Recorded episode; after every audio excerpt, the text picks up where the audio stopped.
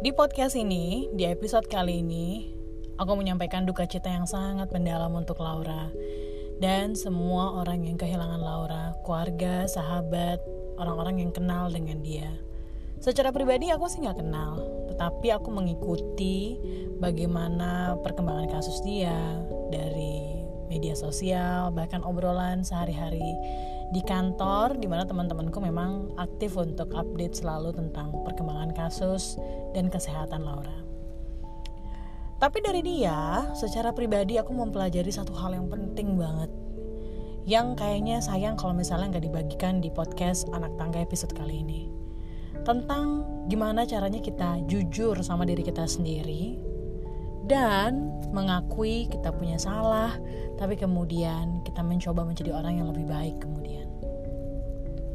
Kenapa bisa aku simpulin seperti itu?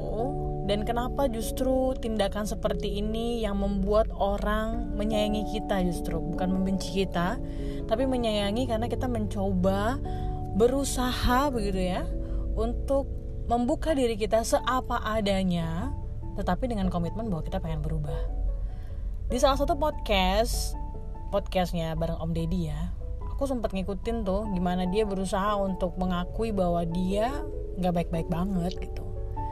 Dan dia ngerasa bahwa apa yang dia alamin sekarang ya adalah proses dia untuk jadi lebih baik gitu. Bahkan di posisi dia dengan sakit yang dia punya akibat kecelakaan gitu ya yang harus dia hadapi setiap harinya dengan kondisi keterbatasan dia dia bilang bahwa setiap hari semakin hari dia ngerasa bahwa dia bertumbuh secara mental gitu ya secara sikap dan secara pemikiran gitu dan aku nggak tahu apa yang ada di notesnya yang akhirnya dibaca oleh Deddy Kobusya pada saat itu. Tetapi kalau misalnya bisa aku tangkap gitu ya bahwa dia mengalami yang namanya uh, perjalanan spiritual gitu ya yang dia merasa bahwa dia akhirnya melihat ke diri dia sendiri bukan mencari ke orang lain lagi tapi melihat ke diri dia sendiri apa jangan-jangan perbuatan gue nih yang menyebabkan gue akhirnya seperti ini? gitu tapi kemudian dengan dia mengakui itu orang-orang itu bahkan gak ngejudge dia gitu. Tetapi kemudian membantu dia untuk meyakinkan bahwa lu bisa berubah gitu.